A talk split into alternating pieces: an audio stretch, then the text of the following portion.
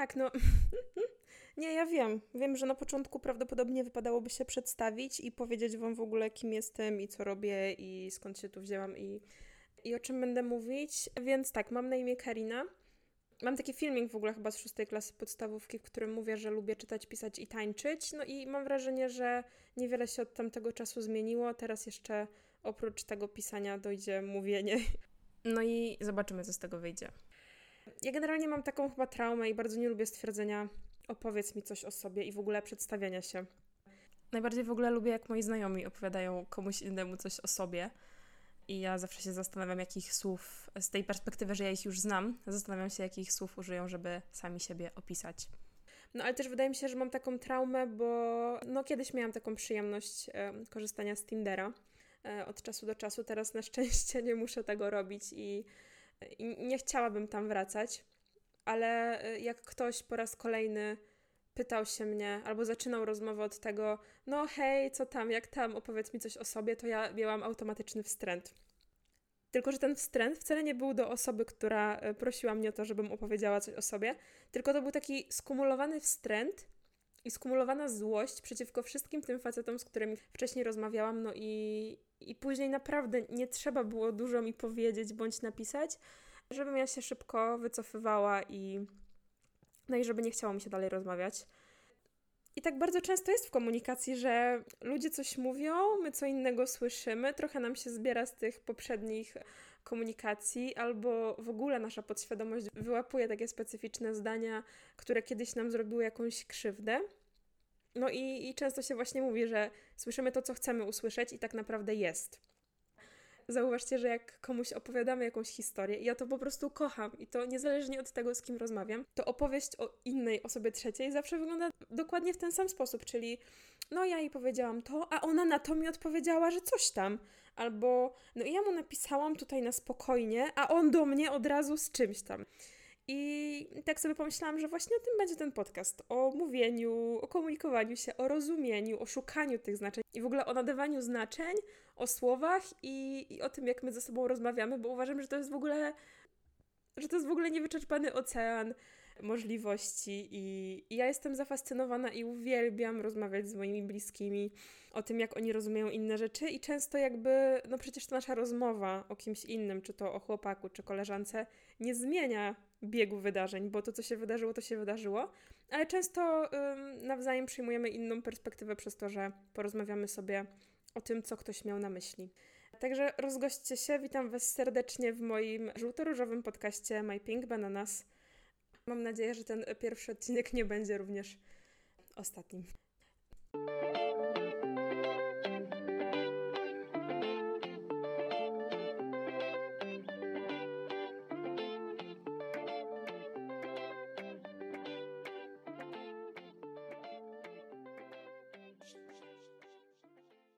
W ogóle obserwuję coś takiego, że my mamy ogromną potrzebę, żeby nadawać znaczenia absolutnie wszystkiemu.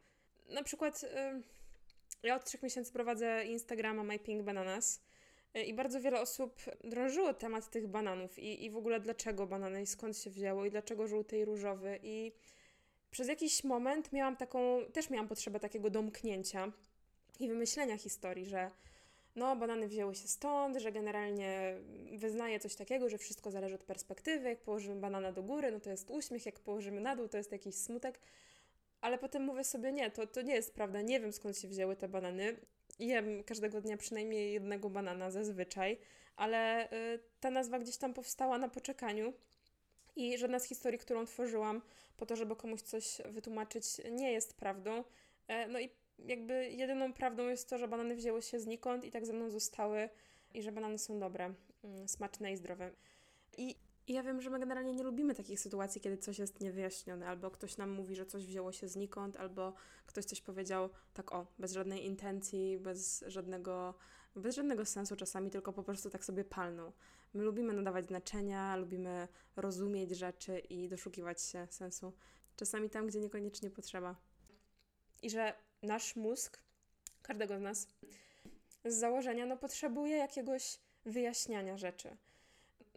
Taki już chyba najbardziej banalny przykład, e, że jeżeli na obrazie widzimy kropki, które są obok siebie w nie aż takiej dalekiej odległości, to no z założenia nasz mózg zobaczy e, jakąś linię i je sobie, e, je sobie połączy po prostu, tak?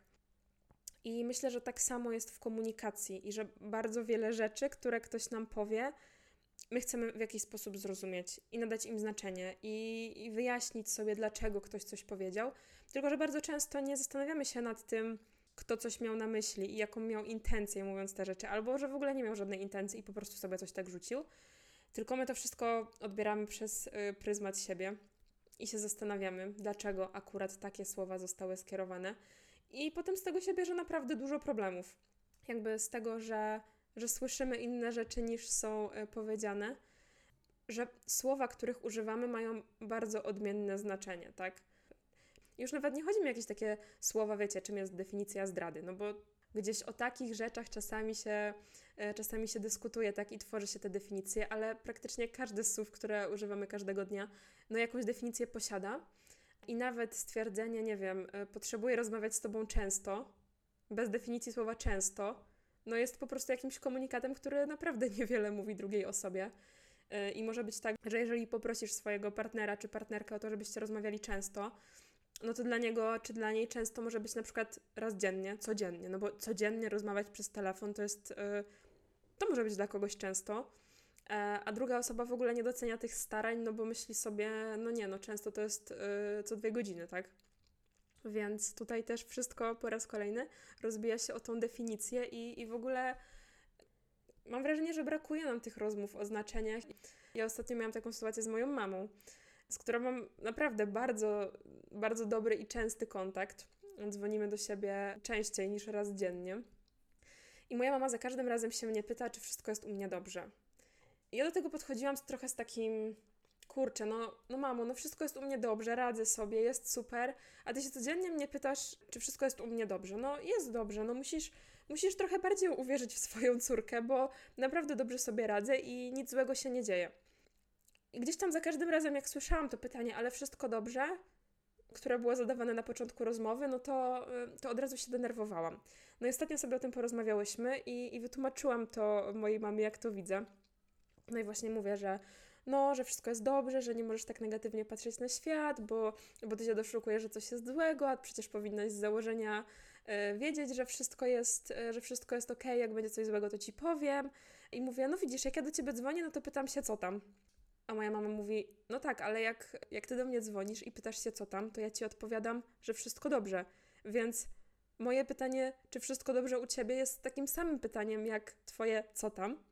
Tylko, że po prostu ma taką formę, no bo tak jestem przyzwyczajona. I moja mama to pytanie traktuje zupełnie nie w żaden negatywny sposób i to nie jest takie pytanie podszyte, ale wszystko dobrze u ciebie, bo ja czuję, że, że niedobrze, albo że sobie nie radzisz, albo że coś przede mną ukrywasz, tylko to jest zwykłe pytanie, co tam, zadane tylko trochę innymi słowami. I, i powiem wam, że od tamtego czasu naprawdę przestałam jakby skupiać się na tym e, znaczeniu, które to ja nadawałam, a którego tam e, do końca nie było. Ja się generalnie bardzo zgadzam z tym stwierdzeniem, że świat jest taki, jaki. Nie nawet taki, jakim go widzimy, tylko tacy, jacy my jesteśmy. I myślę, że w naszych życiach mamy mało czasu, żeby się nad tym zastanawiać. Ostatnio miałam taką sytuację, że dzwoni do mnie przyjaciółka i mówi, że ma, że rozliczyła PIT, no i znowu ma, w tamtym roku miała jakieś tam mm, duże pieniądze do zapłacenia i w tym roku znowu musi coś tam zapłacić. No i zaczęła bardzo negatywnie mówić na firmę, w której pracuje. I ja mówię, ale to nie jest tak, że ta firma jest przeciwko tobie i ty dlatego musisz zapłacić ten podatek. Mówię, no to po prostu jakby to jest kwestia przypadku, że znowu w tym roku musisz zapłacić podatek, a ja znowu na przykład nie muszę go płacić, ale jakby nie ma tutaj reguły i szukanie tego znaczenia, że nie wiem, firma chciała cię oszukać, że jakby wszystko jest przeciwko tobie, jest strasznie destrukcyjne i po prostu chciałabym zwrócić Waszą uwagę na to, w jaki sposób do siebie mówimy, ale też w jaki sposób właśnie odbieramy to, co jest do nas mówione i w jaki sposób możemy sprawić, że ktoś nasze słowa przeczyta bądź zrozumie, usłyszy, usłyszy w nich coś innego, bo z tego naprawdę jest strasznie dużo zamieszania, często niepotrzebnego. Ja nie wierzę w obiektywizm i często mam też problem z tym, żeby być poprawną, bo uważam, że każde słowa, nawet najbardziej obiektywne, moim zdaniem, i najbardziej e, poprawne, mogą kogoś skrzywdzić, jeżeli ktoś ma na tym punkcie jakąś fobię, czy traumę, czy jakieś ma negatywne doświadczenia. I ja też jestem osobą bardzo ironiczną i wiem, że czasami naprawdę trudno jest się zrozumieć i ja nie wierzę w obiektywizm, ale wierzę w intencje. I często, często myślę sobie, że te intencje są czymś, na czym moglibyśmy się bardziej skupiać niż na tym, co ktoś dokładnie powiedział, tylko jakby co chciał powiedzieć. Oczywiście no, to jest niemożliwe, żeby za każdym razem tylko wierzyć w dobre intencje i tylko tego słuchać i nie słuchać komunikatów, no bo, no bo cały czas się ze sobą komunikujemy i no każda rozmowa, czy to teraz, nie wiem, w pracy, w domu, przez telefon, ja mam wrażenie, że no cały czas jesteśmy, jesteśmy w jakiejś komunikacji, no ale myślę sobie, że, że warto czasem się zatrzymać. W ogóle jedna z, z bliskich mi osób powiedziała mi ostatnio o tym, że, że jej chłopak ma depresję. Przyznała mi się do tego, bo no ja też mam w swoim e, środowisku osoby, które leczą się psychiatrycznie i jakby mogłyśmy sobie trochę o tym porozmawiać, jak w ogóle towarzyszyć takiej osobie. I bardzo cieszę się, że coraz więcej się e, o tym mówi i też jakby wszyscy jakby uczymy się tego, tak, jak, jak towarzyszyć osobom chorym, bo nie jest, to, nie jest to oczywiste, więc sobie trochę o tym porozmawiałyśmy. No i właśnie mm, ona powiedziała mi, że, że to jest w sumie też problematyczne dla niej i mocno wpływa na to, jak, e, jak się czuje, bo no czasami ten chłopak odwołuje spotkania. Jest w tak złym stanie, że, że po prostu nie ma siły na to, żeby się spotkać. No i ja mówię, że domyślam się, że jest to bardzo ciężka sytuacja, ale też jakby gdzieś tam podejrzewam, że no, do tej niepewności też jesteśmy w stanie się w jakiś sposób przyzwyczaić, tak? To znaczy, rozmawiałyśmy o tym, że jak odwołał spotkanie po raz pierwszy, no to było to olbrzymim zaskoczeniem, no ale za którymś razem już jakby przed tym spotkaniem myślisz sobie, okej, okay, może się tak zdarzyć, że, że on będzie w złym stanie i nie będziemy w stanie się spotkać. I ja mówię do niej, wiesz, no to jest trudne, ale tutaj to nie jest tak, że on odwołał to spotkanie, bo idzie z kolegami na piwo, i nie odwołał tego spotkania, bo jesteś, nie wiem, głupia i brzydka, tylko, tylko odwołał to spotkanie dlatego, że naprawdę jest w złym stanie psychicznym, a gdyby e, spojrzeć na jego intencje, to na pewno chciał się z tobą spotkać, tak? Właśnie moja koleżanka do mnie mówi, że kurczę, że nie pomyślałam z tej strony, nie? Że od razu wszystko, nawet jeżeli jesteśmy w związku z osobą chorą, to i tak jednak tym pierwszym filtrem jest to, co myślimy na swój temat i jak odbieramy dane komunikaty, tak jakby przeciwko nam. Czytam w ogóle teraz taką bardzo fajną książkę, jak powstają emocje. I jestem dopiero gdzieś tam na początku, ale już myślę, że mogę ją zdecydowanie polecić, bo naprawdę te mechanizmy są w mega ciekawy sposób opisane. I gdzieś tam zostało mi w pamięci to, że nasz mózg jest skonstruowany w taki sposób, że zakotwiczają się w nas wszystkie doświadczenia, szczególnie jakby te pierwsze.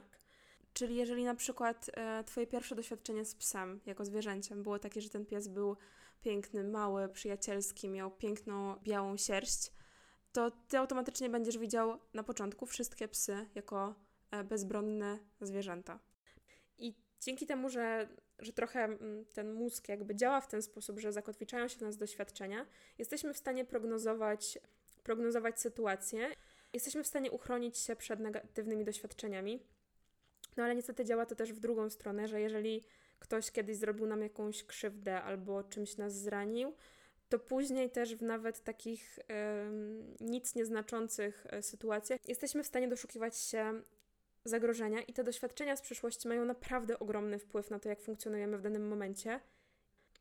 Jesteśmy w stanie oczywiście wykonać pracę nad tym, żeby tych doświadczeń, nie żeby te doświadczenia wymazać, tylko żeby trochę jakby najprościej mówiąc, udowodnić naszemu mózgowi, że możemy też reagować w inny sposób na te same sytuacje, ale to wymaga olbrzymiej pracy i olbrzymiej świadomości. Dzisiaj w ogóle mm, siedziałam sobie przez chwilę na Facebooku i pojawiła się taka wypowiedź, ja, ja to kocham po prostu, z Tindera. E, dziewczyna wrzuciła na Facebooka fragment konwersacji z Tindera z chłopakiem o imieniu Marek. No i, i konwersacja wygląda w ten sposób. On pisze, e, to kiedy się widzimy? A ona, niestety, ale najbliższy wolny weekend to 26 czerwca, czyli tak około za, e, za ponad miesiąc. A on na to mówi, aha, okej. Okay. E, a ona, no chyba, że wpadniesz 12 czerwca do Wrocka, ja muszę być na miejscu. A on, Nie no, myślisz, że napiszesz, żebym wpadał i już będę leciał? Przekonaj mnie, że warto. Na co ona? Bez przesady, aż tak mi nie zależy, by się gimnastykować. Albo chcesz mnie poznać, albo nie. I on napisał, nie chcę. Na co ona uśmiech i no to trudno. Na co on zażartował, ewentualnie jeśli zapuścisz włosy. Ja to przeczytałam. Od razu zadzwoniłam do mojej przyjaciółki i po prostu zaczęłam się z tego śmiać i, i, i mówię, no i gdzie jest problem? A ona mówi, no, no gdzieś po środku. I ja się z tym zgadzam. Ale jak sobie czytam komentarze, to jest to fascynujące, jak bardzo one są, jak bardzo one są różne. No bo dziewczyna wrzuca ten wpis i mówi, zastanawiam się, czy na Tinderze jeszcze są jacyś normalni. Jak widzę takich ćwoków, to aż mnie skręca. Na co inne dziewczyny piszą, że w ogóle komunikat, który ona wysyła, czyli albo chcesz mnie poznać, albo nie, jest pasywno-agresywny, więc się typowi nie dziwi. Inna dziewczyna pisze, że nie, że z jej punktu widzenia to jest normalne zdanie na luzie. Inna dziewczyna mówi, no ale co ona ma mu obiecywać, żeby łaskawie postanowił się z nią spotkać? Rozumiecie, Laska proponuje spotkanie za ponad miesiąc. E, podejrzewam, że tutaj yy, tak, tutaj widzę na screenie, że się połączyli w parę e, tego samego dnia, z którego jest wrócony screen, więc jakby zakładam, że nie znają się nawet yy, pół dnia, tak? Dopiero zaczęli rozmawiać. No ale dziewczyna jest ewidentnie oburzona. Potem kolejna pisze, czego się dziewczyno spodziewasz, kiedy piszesz typowi, że możesz się spotkać y, za miesiąc? Na co inna komentuje to tym, że no niektórzy nie mają czasu się spotkać z dnia na dzień i muszą planować spotkania z kilkutygodniowym wyprzedzeniem. I wiecie, jakby to jest strasznie krótka rozmowa. Tutaj jest jakby, nie wiem, czy nawet 10 wiadomości, które wam przeczytałam. I mamy tak duży rozjazd, rozumiecie? Jedna dziewczyna pisze, ja nie bardzo rozumiem, co ten koleś niewłaściwego napisał. Uporządkujmy. Chciał się spotkać. Dziewczę podało termin powyżej miesiąca oczekiwania lub podróż do Wrocławia. Uwielbiam Wrocław i sama jeździłam tam do ukochanego, ale podróż ponad 300 km na pierwszą randkę to ryzykowne. I koleś zdaje się, że chciał zakończyć jakoś tak bez focha i zażartował. Nie widzę w tym nic złego, nagannego czy śmiesznego. Wybaczcie, bo może powinnam wykazać większą solidarność jajników, ale to dziewczę w tym przypadku zachowało się niewłaściwie. Na co inna dziewczyna stwierdza, że ci przystojni to zawsze są jacyś e, nienormalni. E, w sensie ona używa tutaj innego niecenzuralnego słowa, ale pozwolę sobie nie cytować. I wiecie, jakby to jest rozmowa, która jest naprawdę turbo krótka. Znaczy, tutaj w ogóle ktoś skwitował tą rozmowę, że to i tak jakby nie ma znaczenia, bo ten koleś jest fejkiem, ale przecież Marek to fake. E, ale wiecie, to jest rozmowa na jakieś dwie minuty i tutaj już się tyle zadziało interpretacji, że no ja jestem, ja nie jestem zdziwiona, bo ja byłam na Tinderze i ja, ja wiem, co tam się dzieje i wiem, w jaki sposób się rozmawia i i naprawdę zdaję sobie sprawę z tego, że są naprawdę różni ludzie y, w ogóle na świecie, nie tylko na Tinderze, bo na Tinderze są tacy sami ludzie, jacy są y, w życiu.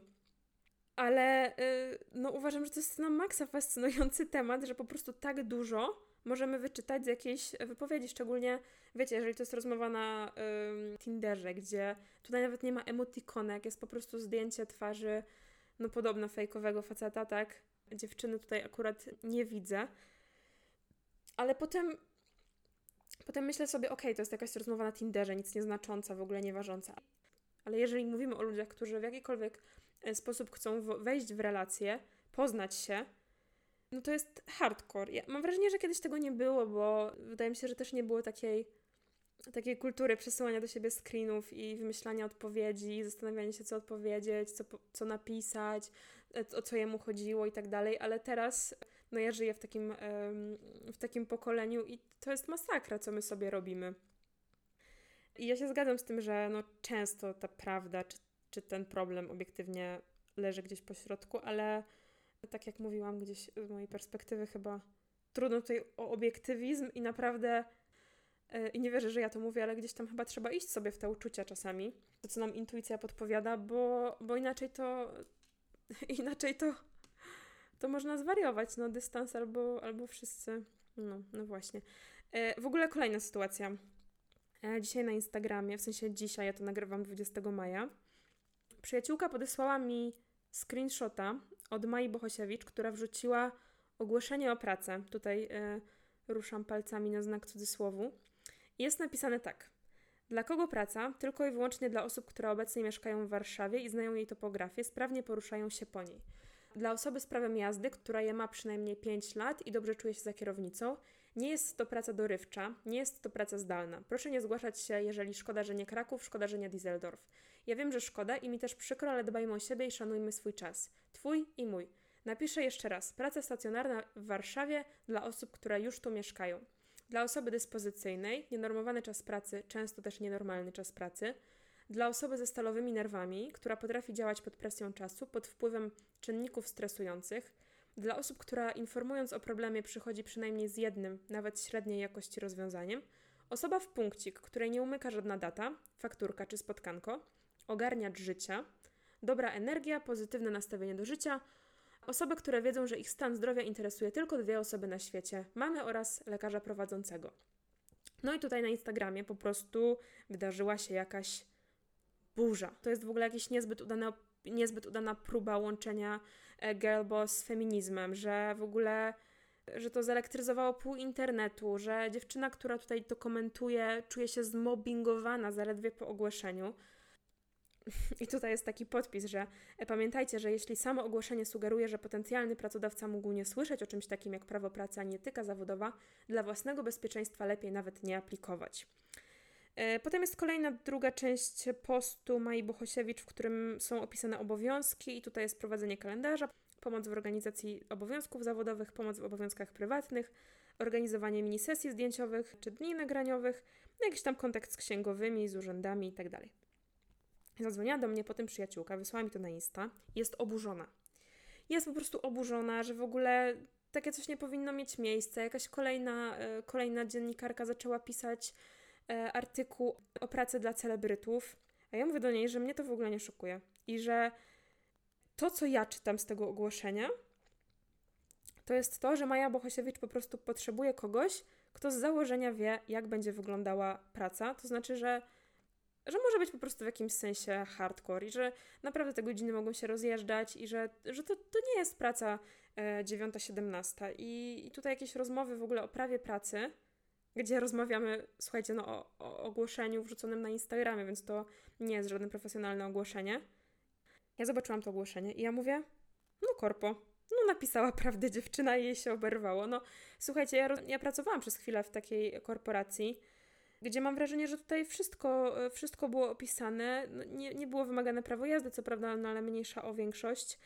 Musiałam pracować w Warszawie. Te wszystkie rzeczy oczywiście nie były zakomunikowane w ogłoszeniu o pracę. Mój czas pracy no, na papierze był normowany i pracodawca tak słyszał o prawie pracy, ale finalnie ten czas pracy też był nienormalny. E, tak jak Maja Bohosiewicz go tutaj nazywa. E, nikogo też za bardzo nie obchodził mój stan zdrowia. E, musiałam być ogarniaczem życia i ogarniaczem wszystkiego i wszystkich tabelek, wszystkich produktów i wszystkiego. No też było wymagane, że muszę działać pod presją czasu. I naprawdę mnie to nie dziwi, że ktoś napisał e, prawdę, ale dziwi mnie ten hejt na to. Bo ja z tego posta naprawdę czytam to, że Maja Buchosiewicz po prostu potrzebuje kogoś, kto będzie gotowy do takiej pracy. Bo gdyby tutaj nie było tego opisu ja bym zobaczyła tylko drugą część posta, w której są obowiązki o obsługa skrzynek komunikacyjnych, rozwiązywanie problemów y, dnia codziennego, y, kontakt z kontrahentami, to bym sobie pomyślała, kurczę, no może to jest jakaś dobra opcja, nie? Pracować sobie tutaj z Mają Bohosiewicz, Fame, e, wszystko się zgadza. I naprawdę dziwi mnie, że tutaj wylała się taka fala hejtu, że ludzie w ogóle od rana przesyłają sobie to ogłoszenie, że coś okropnego, zero informacji o zarobkach, za to mnóstwo o tym, że będzie to orka. Praca to wymiana, pracownik też musi wiedzieć, ile będzie zarabiał i co mu się należy. Tutaj jest po prostu lista roszczeń. A ja sobie myślę, no a, w którym ogłoszeniu na, yy, na polskich portalach o pracę jest napisane, są napisane zarobki? No kurczę, i, I wiecie, tutaj są takie komentarze, że co to znaczy nienormalny czas pracy, w jaki sposób będzie odliczany, czy za każdą godzinę bycia w dyspozycji będą płatne nadgodziny, bo jeśli nie, to jest złamanie prawa pracy. I wiecie, no, to jest w ogóle naprawdę mega ciekawy temat, bo Maja wrzuciła ogłoszenie na Instagrama, które no de facto nie jest profesjonalnym ogłoszeniem o pracę, to jest informacja, że ona gdzieś tam szuka kogoś do pracy. I naprawdę w żadnym ogłoszeniu o pracę na portalach, nie wiem, typu pracuj, nie ma napisane, jak będą, e, jak będą rozliczane nadgodziny. I też nie w każdej firmie te nadgodziny jest tak łatwo, e, tak łatwo otrzymać. No, jedna z moich przyjaciółek pracuje w, w firmie, której ma y, na stanowisku no, dużo więcej obowiązków niż, e, niż obowiązki na 8 godzin. Wszystko ma być wykonane, a jednocześnie musi otrzymać zgodę na to, żeby być na tych nadgodzinach. A jeżeli przychodzi do swojego szefa i o te nadgodziny prosi, to dostaje informację, że się nie wyrabia, bo źle sobie zaplanowała życie, tak? Źle sobie zaplanowała grafik w pracy. Więc prawo pracy jest naprawdę jedną rzeczą, a, a to na ile jest ono respektowane jest naprawdę, y, naprawdę czymś zupełnie innym. I ja tutaj nie widzę żadnych złych intencji u Mai, a naprawdę wylała się fala hejtu. No i oczywiście z każdą kolejną informacją pojawiło się, yy, pojawiło się więcej, więcej hejtu i Karolina Korwin-Piotrowska udostępniła je na swoim Instagramie. Napisała, że że do niej też ludzie piszą y, i wysyłają to żenujące pod każdym względem ogłoszenie w sprawie pracy i że nie będzie tracić na to czasu, ale że, że tam można się że można się kontaktować z Mają Staśko, która y, pisze artykuł na ten temat i zapewnia zupełną anonimowość i, i że nikt się nie musi y, bać prawników i że, że zniszczą wam życie albo karierę. Ja tutaj właśnie sobie teraz otworzyłam, że nawet Pudelek się zainteresował tym tematem i że internauci są oburzeni, ja myślę, że naprawdę Maja Bohosiewicz super to skomentowała, że jeżeli nie chcesz aplikować, to nie aplikuj. I ja w ogóle nie wiem, skąd jest tyle hejtu.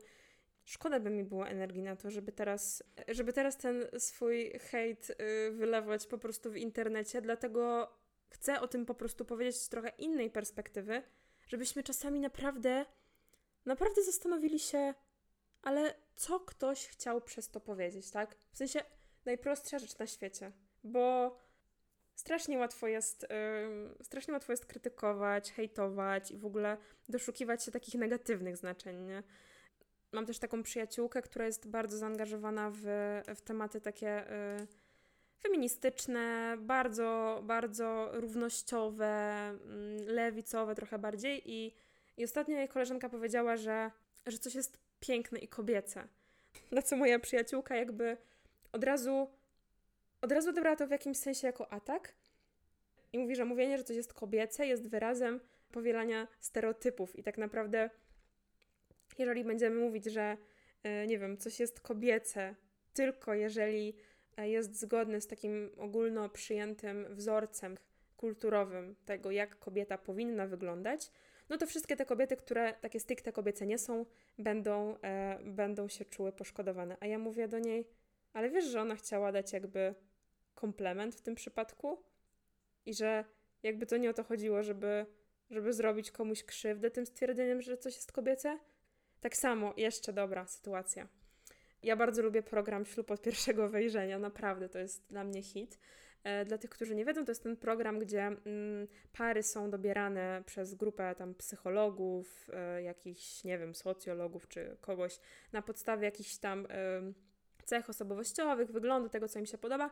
No i generalnie w e, pierwszym czy drugim odcinku poznają się dopiero na e, ślubnym kobiercu e, w Urzędzie Stanu Cywilnego i pierwszy raz widzą się praktycznie 5 minut przed tym, zanim powiedzą sobie mm, sakramentalne tak. Potem przez cały sezon mają możliwość poznawania się. No i generalnie na koniec sezonu muszą podjąć decyzję, czy zamierzają kontynuować to małżeństwo, czy chcą, chcą się rozwieść. No i była taka sytuacja, to jest w ogóle, no agentka, jest po prostu laska, jest prześmieszna. Ale jest prześmieszna, a jednocześnie ja widzę w niej osobę bardzo skrzywdzoną. Mm, więc tak, była sytuacja, że y, nie pamiętam dlaczego, ale stali przy aucie, tak? Czyli była, y, była dziewczyna i był chłopak. Stali przy aucie i chyba tam ktoś tam do nich podszedł. Nie wiem, czy to był policjant, żeby spisać jakiś mandat, czy, czy coś, co tam się wydarzyło, no ale ktoś podszedł e, i skomentował to, że mają bardzo dużą obstawę, tak? No bo wie, wiecie, no to jest program telewizyjny, więc my widzimy tylko e, parę, no ale tam zawsze jest cała masa kamerzystów i, i cała ekipa. Więc podejrzewam, że tam jest przynajmniej, przynajmniej z 5-10 osób. No i ten chłopak, ten mąż powiedział, że no mam taką obstawę, bo tutaj wiozę coś cennego, tak? I, i on tym stwierdzeniem chciał tą swoją żonę docenić. No a ona, ona wpadła w szał po prostu. Ona zaczęła płakać, w ogóle obraziła się na niego. No wpadła w jakąś taką dziwną panikę. I znowu to było spowodowane tym, że no, że nie zrozumiała w ogóle o co mu chodziło. Że ona usłyszała, że ja nie, nie wiem do końca, bo to nie było powiedziane, ale zareagowała tak, jakby poczuła się jakimś obiektem przewożonym, e, jakby jej wartość naprawdę była e, mocno zmniejszona. I, I znowu, no facet nie wie, co się dzieje. Nie wie totalnie. Jakby chce zrobić coś dobrego, chce ci powiedzieć jakiś komplement, e, a ta reakcja powoduje, że, e, że obie strony tak naprawdę głupieją. I ja mam wrażenie, że takie sytuacje zdarzają się codziennie że codziennie po prostu czytamy coś innego niż jest napisane. I mam wrażenie, że potrzebujemy takiej edukacji w tym temacie i takiego naprawdę zatrzymania się i, i zastanowienia się, jakie coś ma znaczenie, bo naprawdę strasznie często to znaczenie pochodzi od nas, a nie pochodzi od, od tej drugiej strony. I, I jakby wiadomo, że my często znajdujemy się po dwóch stronach tej komunikacji. Mi też się zdarzyło, że jedna z moich naprawdę dobrych koleżanek popłakała się kiedyś przeze mnie w pracy. E, nie jestem z tego dumna, ale z drugiej strony ja naprawdę nie powiedziałam nic świadomie, co powinno ją skrzywdzić. No ale gdzieś tam jednak jakieś stwierdzenie wywołało tą reakcję. I myślę, że po prostu czasami fajnie jest zastanowić się i, i zrozumieć tego drugiego człowieka, bo my mamy w sobie tyle skumulowanych różnych rzeczy, I mamy tak odmienne e, doświadczenia i, i tak odmiennie reagujemy i rozumiemy różne rzeczy, że, że po prostu będę Was zachęcała, mam nadzieję, regularnie do tego, żeby po prostu sobie o tym gdzieś e, myśleć. A na koniec jeszcze taka anegdotka mm, a propos mojego partnera. Mój partner generalnie jakby, no to nie jest osoba, która korzysta gdzieś tam mocno z zegarka, jeżeli nawet go ma, no to chyba bardziej, żeby, żeby ładnie wyglądał, niż żeby gdzieś tam na niego patrzeć, więc jak się umawiamy, to, to jakby ja wiem z założenia, że tutaj jeżeli się umówimy na 20, to to jakby taka 21, 22, gdzieś tam to dojdzie do skutku. Więc też mi zajęło jakiś czas, żeby się tego nauczyć, że to, że to nie jest absolutnie skierowane przeciwko mnie, tylko jeżeli on coś robi dla siebie i dla siebie gdzieś ma być na czas, to tak samo jest to bardzo ciężkie e, do osiągnięcia. Ale miałam kiedyś taką sytuację, że umówiliśmy się na jakąś godzinę. Ja wiedziałam z góry, że jak tam właśnie to ta, ta 20, to to będzie dużo później. I że jakby, e, no po prostu tak jest. No po prostu taki, no po prostu taki jest i ja już jakby to zaakceptowałam. Ja nawet, nawet to polubiłam w jakimś sensie. Ja sobie coś tam robiłam swojego, oglądałam telewizję, wiecie, Hotel Paradise, ślub od pierwszego wejrzenia, Love Island, wszystkie te rzeczy tam e, gdzieś po kolei, no i tam gdzieś tam, nie wiem, koło 21 on przyszedł i, i tam jak tam, co tam, wszystko fajnie, nie? Ja w ogóle szczęśliwa i cieszę się, że jesteśmy razem i nic tam się, nic tam się szczególnego nie, nie wydarzyło. No ale drugiego dnia stwierdziłam, że, że ugotuję kolację i, I też gdzieś tam powiedziałam mu chyba, że no dobra, spotkajmy się o 20. Ja już sobie tam zaplanowałam, że oczywiście z jakimś tam plus ileś tam minut sobie, ileś tam, tam pół godziny sobie dodam na to spóźnienie. No i każda kolejna minuta po tej godzinie, którą ja sobie zaplanowałam, że on powinien być, mnie doprowadza do szału. Ja po prostu siedziałam, stałam nad tymi garnkami przysłowiowymi i mnie po prostu w środku rozrywało bo ja sama sobie zaplanowałam, że on akurat tego dnia powinien się domyślić, że ja gotuję, no i powinien przyjść na czas. I, I to była naprawdę dokładnie ta sama sytuacja. Czyli dokładnie w ten sam sposób się umówiliśmy jak poprzednio, ale przez to, że ja sobie zaprogramowałam trochę to yy, i zaplanowałam jakiś, yy, jakieś wydarzenia, tak, jakąś kolację czy coś, i mu o tym nie powiedziałam, no to, to sama sobie nałożyłam tą y, frustrację. Oczywiście potem, jak się spotkaliśmy, ja byłam gdzieś tam negatywnie nastawiona trochę. Porozmawialiśmy o tym, że, że wiesz co, Karina, że jak chcesz gotować, to musisz mi o tym powiedzieć, żebym ja był na czas. I, i wtedy ja zrobię tak, że będę. Że naprawdę z szacunku po prostu będziemy się e, dogadywać, ale no, no musisz mi dawać znać, no bo inaczej to, to ja się nie domyślę. I mi bardzo często przyświeca ta myśl, że że on się nie domyśli, albo moja przyjaciółka, albo moja mama, albo moja babcia, dziadek, y, ktokolwiek się nie domyśli. A z drugiej strony bym chciała, żeby się domyślali. Nie? I, I to jest taki wieczny rozjazd, więc y, mam wrażenie, że ten podcast będzie na pewno jakby ja, wie, ja, ja wiem, że tych rozjazdów wy też macie bardzo dużo, więc zachęcam was do, do słuchania tego podcastu. Zachęcam siebie tutaj oficjalnie na antenie do tworzenia tego podcastu, bo mam wrażenie, że on po prostu będzie dobry, ważny i potrzebny. Także trzymajcie się cieplutko. Zapraszam serdecznie do mm, obserwowania mojego y, profilu na Instagramie mypinkbananas, bo tam też jestem i no i, no i co? Mm, widzimy się? Nie, nie widzimy się. Słyszymy się w kolejnym odcinku.